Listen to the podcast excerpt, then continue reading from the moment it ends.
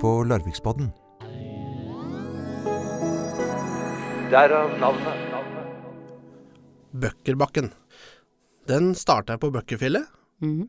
men hva er det den slutter i? Den slutter i slutteriet. Og den het før Slutteribakken. Stemmer. Men hva er et slutteri? Det kommer av det tyske ordet 'sliserei', faktisk. Eh, men historien om eh, hvorfor det heter slutteriet, den går jo eh, faktisk ganske langt tilbake. Første gangen som jeg er borti dette her i arkivkildene, det er i 1713. I, I det samme området, hvor det er snakk om ikke et slutteri eller slisserai, men et arresthus for fanger. Men så eh, skjer det noe i 1730-årene, og da har det kommet altså et reskript, en, slags, et, en lov, et lovpålegg eh, fra kongen, om at nå skal fengslene innrettes på en spesiell måte. Og da er det ganske interessant å lese av hvordan murene skal bygges. Det skal være tykke murer, sånn at de ikke kan rømme. Og det skal være fangehull. Og det skal være da en dør, en, en sterk furudør, og over der så skal det være to rom. Og det er for en annen type fanger. Det er for gjeldsfanger. Så disse morderne og misstederne og disse alvorlige fangene, de skulle sitte i kjelleren, men så var det litt finere, litt mer sånn humane forhold for gjeldsfangere, og derav ordet slisserai. Og den som skulle passe på dem, het slutter. Og det er det som har gitt eh, navn til bygningen i Larvik. Det er slutteren, altså han som skulle være fangevokter. Han ble kalt for en slutter. Nøyaktig hvor lå eh, slutteriet? Ja, altså adressen eh, var eh, Den er vel i dag Storgata 52. Altså det er jo eh, Når det beskrives i kildene, så beskrives det da som at det er det siste huset. Eller nest siste huset før du kommer over til broen. Eh, til Fritzøe sagbruk og, og til jernverket. Det ble også kalt for Rødebroen lengre tilbake. Så det lå der helt nederst i bakken, sånn helt mot uh, Før var det en bro som ikke er der lenger. Og når ble det, når ble det oppført, uh, sjølve bygget? Ja, eh, som sagt, det har vært arresthus der, eh, så vidt jeg kan se tilbake helt til 1713. Men det nye, altså etter kongens påbud, det ble da oppført etter 1738. Sto ferdig, jeg tror ikke det sto ferdig før i 1741 eller noe sånt, sånn som jeg kan se det, og da tok de det i bruk. Eh, men det var da et enetasjes hus. Og så ser jeg at når du kommer litt opp i tid, så er det huset, det har eh, vokst, det er blitt to etasjer.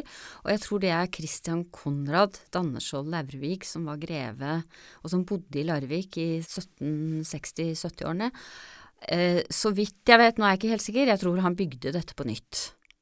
Og blant annet for at gjeldsfangene skulle få bedre forhold. Ja, det var jo sympatisk gjort av han. Hva slags eh, forbrytere var det som, som satt der? Var det, altså, var det langtidssoning, eller var det som løsgjengere, hvis det het det den gangen, eller hva? Ja, det kunne jo være alt mulig, og det var eh, eh, Jeg er ikke helt sikker på den eldste tiden, men når vi kommer litt opp i tid, så var det ikke permanent. Eller det var det for de som ikke hadde gjort så alvorlige forbrytelser. Men de som hadde gjort alvorlige forbrytelser, de ble da sendt til tukthuset i Kristiania. Sånn at på slutteriet så kunne du f.eks. sitte 14 dager på vann og brød eh, og sånne ting. Så, så men, men det var jo Det var jo regnet Det var jo fengselet i Larvik, dette her. Det var ikke noe særlig fokus på rehabilitering, kanskje, med den. Nei, altså hvis du går inn i For det første var det jo forferdelig triste forhold, ikke sant. Det var eh, sånne jern til å ha rundt halsen, det var jern til å ha rundt livet, det var håndjern, det var fotlenker. Eh, det var vel knapt en madrass eh, på gulvet, sånn at eh, det var eh, Dette var ikke stedet du ville ønske å tilbringe eh, noe tid i det hele tatt. Hadde, var det noen andre funksjoner i, det, i, det, i bygget?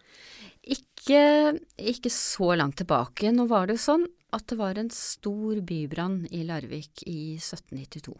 Da brant hele Storgata. Det som var rubbel og så bygde de da opp eh, slutteriet på nytt, og i to fulle etasjer. Og fra tidlig på 1800-tallet så kommer sykehuset inn.